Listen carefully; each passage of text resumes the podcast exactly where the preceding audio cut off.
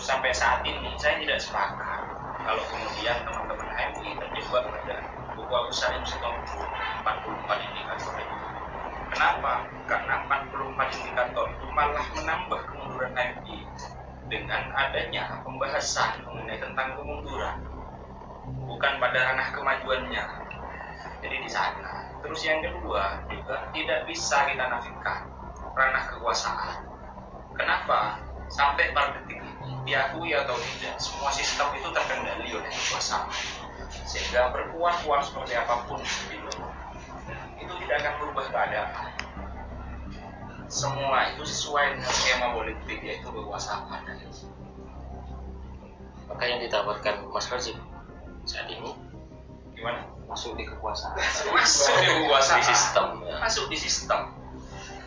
Kenapa?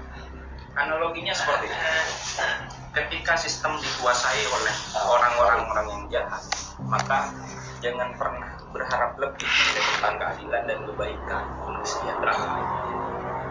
Ketika orang yang baik menolak untuk kemudian masuk dalam apa katanya tadi circle-circle itu. nah itu maksudnya.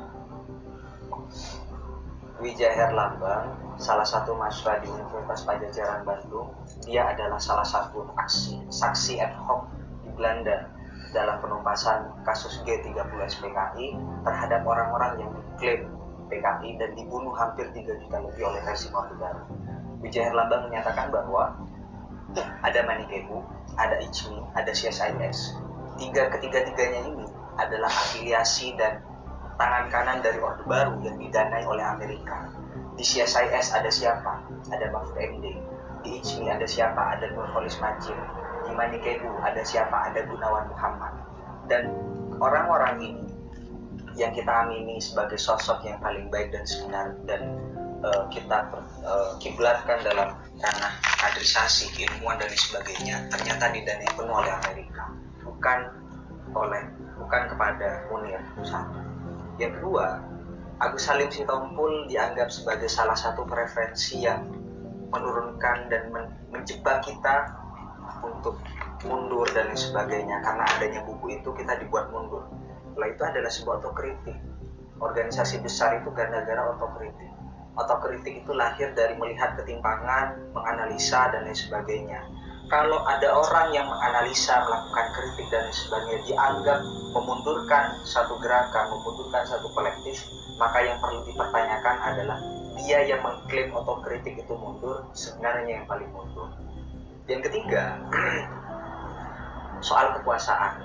Gramsci ini sudah jelas menyatakan bahwa kita terlalu betul melakukan kritik terhadap sistem padahal kita belum menawarkan sistem itu. Nah, sistem yang saya maksud adalah model kekuasaan. Kita sudah sudah menerima sistem otoriter, kita sudah menerima sistem sekularisme, kita sudah menerima sistem demokrasi. Dan Indonesia menerima sistem demokrasi. Dalam kerangka demokrasi, kita dipertontonkan dan diwajibkan untuk menyatakan hak dan pendapat yang sudah dijamin oleh Undang-Undang Dasar 1945. Dan ini jelas bahwa siapa pun berhak dan sama di depan hukum, dia berhak menyatakan pendapat, punya hak politik yang sama, berhak hidup dan kesemuanya. Dan kedaulatan itu dipegang penuh oleh rakyat, bukan kekuasaan. Apa yang menjadi kemunduran kita? Kenapa kita terjebak pada kekuasaan yang dapat merubah sistem? Machiavelli yang lahir dari Italia ini sudah ditolak di Italia. Gara-gara dia sudah membuka aib di kekuasaan dan buku-bukunya hampir diberangus di Italia. Tapi di Indonesia salah. Gerakan-gerakan Machiavelli, Sun Tzu, Catherine Neville ini malah dikembangbiarkan. Sehingga apa yang terjadi? Kita memang satu sisi ingin merubah sistem, tapi bukan sistem yang kita rubah, melainkan orang-orangnya. Dan kita tetap punya watak dan tabiat untuk melakukan penindasan, eh, eksploitasi, penghisapan, dan lain sebagainya. Saya kira kalau orang yang membaca buku-buku politik realisme seperti itu mestinya harus melakukan interpretasi a contrario atau penafsiran terbalik, bukan malah mengembangbiakan. Kenapa saya berani mengklaim seperti itu? Dari G30 G30 SPKI sampai pasca reformasi ini sudah jelas bahwa perputaran proses demokratisasi dan gerakan yang dibangun oleh mahasiswa itu tidak benar-benar murni memberikan kesejahteraan. KKN boleh saja menggelegar pada Orde Baru, Tapi pasca reformasi ini semakin banyak. Kalau di Orde Baru, tanah-tanah masih dikuasai oleh negara dan orang-orang tidak berhak untuk melakukan eksploitasi. Tapi pasca Megawati menjabat sebagai presiden, tanah-tanah, bahkan Pertamina, BUMN, dan sebagainya ini diberikan kepada orang lain. Bukan dihak miliki oleh kekuasaan. Sehingga apa yang terjadi? Eksploitasi di mana-mana tanpa memberikan hak kepada penduduk sekitar untuk mendapatkan perolehan eh, pengaruh yang besar entah dari pembagian upah dan lain sebagainya. Kenapa Orde Baru memaksa kita untuk memiliki sumber daya alam dan ini dimiliki penuh oleh negara? Karena Orde Baru tahu bahwa negara kita belum mampu mengelola ini sehingga masih diberdayakan sendiri dan dijaga oleh negara. Ini ya, ibu ketika mau perjalanan ke Belanda. Ya. Dia mau mengajukan ke Mahkamah Internasional. Apa? Nah, dia mau berangkat dari Spadi Utrecht. stres. Ya sembari membawa berkas kejahatan orde baru Sebelumnya itu. iya kan ke Belanda. Ya, otomatis. Lihat dulu. Sejarah sejarahnya Belanda dengan Indonesia kan udah apa kan itu aja. Kesimpulannya sebenarnya. Kalau kita mengacu pada posisi ber- berlanjut berjalannya semisal Munir ini masih hidup. Nggak bisa. Maksudnya gini anggapannya itu kan membantah perang kekuasaan akhirnya ya kan? Menafikan bahwa pada saat ini harus ada kemurnian gerakan hanya pada ranah itu. Tetapi diakui ataupun tidak produk aturan dan lain sebagainya itu adalah hasil dari kekuasaan.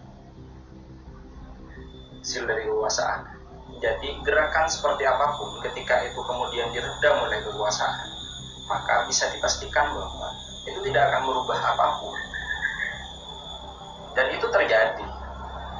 Dan itu terjadi. Kenapa? Pada waktu itu, ya kan, kita menjadi saksi. Kita menjadi saksi, yang ada di sini menjadi saksi. Ketika terjadi penangkapan terhadap kader HMI di, di, ini, di Jakarta kemarin, memang ada proses meredam gerakan mahasiswa pada waktu itu. Polsek Mandi itu datang ke Jalan Imam Sukari menyuruh untuk teman-teman tidak berangkat yang mau berangkat ke Jakarta. Anggapannya kan ketika ada skema terstruktur, sistematis dari kekuasaan, maka apa pun itu bisa diumumkan.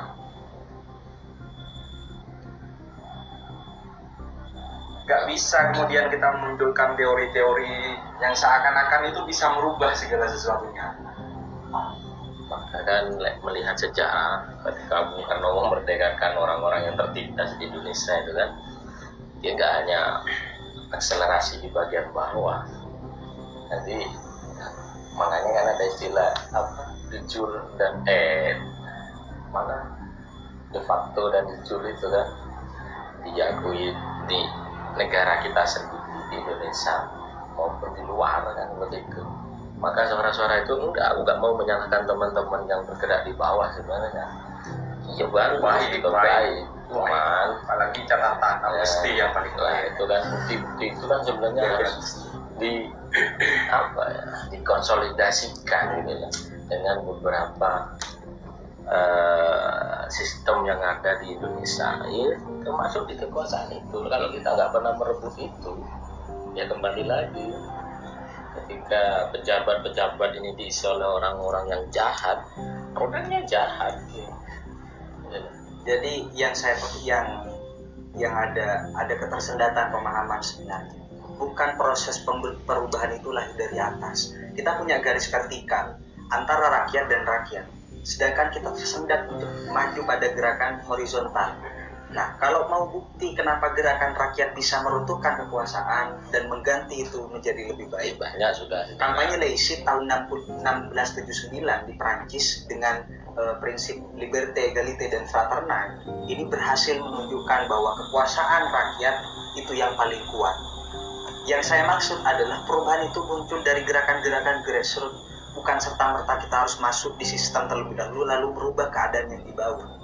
Tapi kalau kita berusaha untuk tetap berada pada dan terjebak bahwa perubahan itu dimulai dari atas, maka yang akan terjadi adalah tetap gerakan-gerakan politik realis yang ada bukan pembelaan terhadap golongan-golongan minoritas.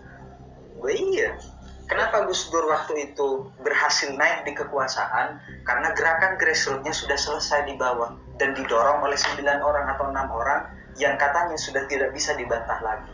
Sehingga karena di bawah sudah selesai, maka Gus Dur naik di, di puncak kekuasaan. Meskipun pada akhirnya Ditumbang oleh abang-abang HMI. lingkaran kekuasaan kan akhirnya. Ketika Iya. berbicara kompromi. Hmm. Ke lingkaran kekuasaan. Efek dan implikasi hari ini meskipun Gus Dur sudah turun, pasca dia turun, orang-orang masih masih terus menye- menyeru bahwa Gus Dur adalah orang yang paling baik, Gus Dur adalah guru bangsa dan lain sebagainya. Bahkan sampai mati pun ideologi Gus Dur tetap ada dengan sembilan nilai-nilai Gus Durian. Oh iya, masalah itu. Lah iya. Secara nilai iya, Mm-mm. tetapi diakui atau Tapi kan perubahan perubahan terhadap kondisi itu tidak serta merta dimulai dari atas, dimulai dari bawah. Gerakan grassroots terlebih dahulu. Tapi kan rindu itu ketika negara ini seperti ini. Sebelumnya ketika Gus Dur memimpin apa yang dikatakan beberapa aktivis aktivis kampus negara ini seperti negara mandu tidak produktif dan sebagainya. Nah, tahu sendiri kamu di sejarah sama masukku dalam artian ada plot yang jelas ketika teman-teman itu memperjuangkan itu gitu jangan sampai ketika kita sudah benar-benar getol memperjuangkan pada akhirnya ya wis mati selesai. Lah gerakan itu hanya terjadi pada historis nanti terjadi ya wis ini cerita sejarah sudah. Tidak ada di garis ideologi Munir maupun Dur dan sebagainya. Tidak ada pada finish perjuanganmu itu gitu loh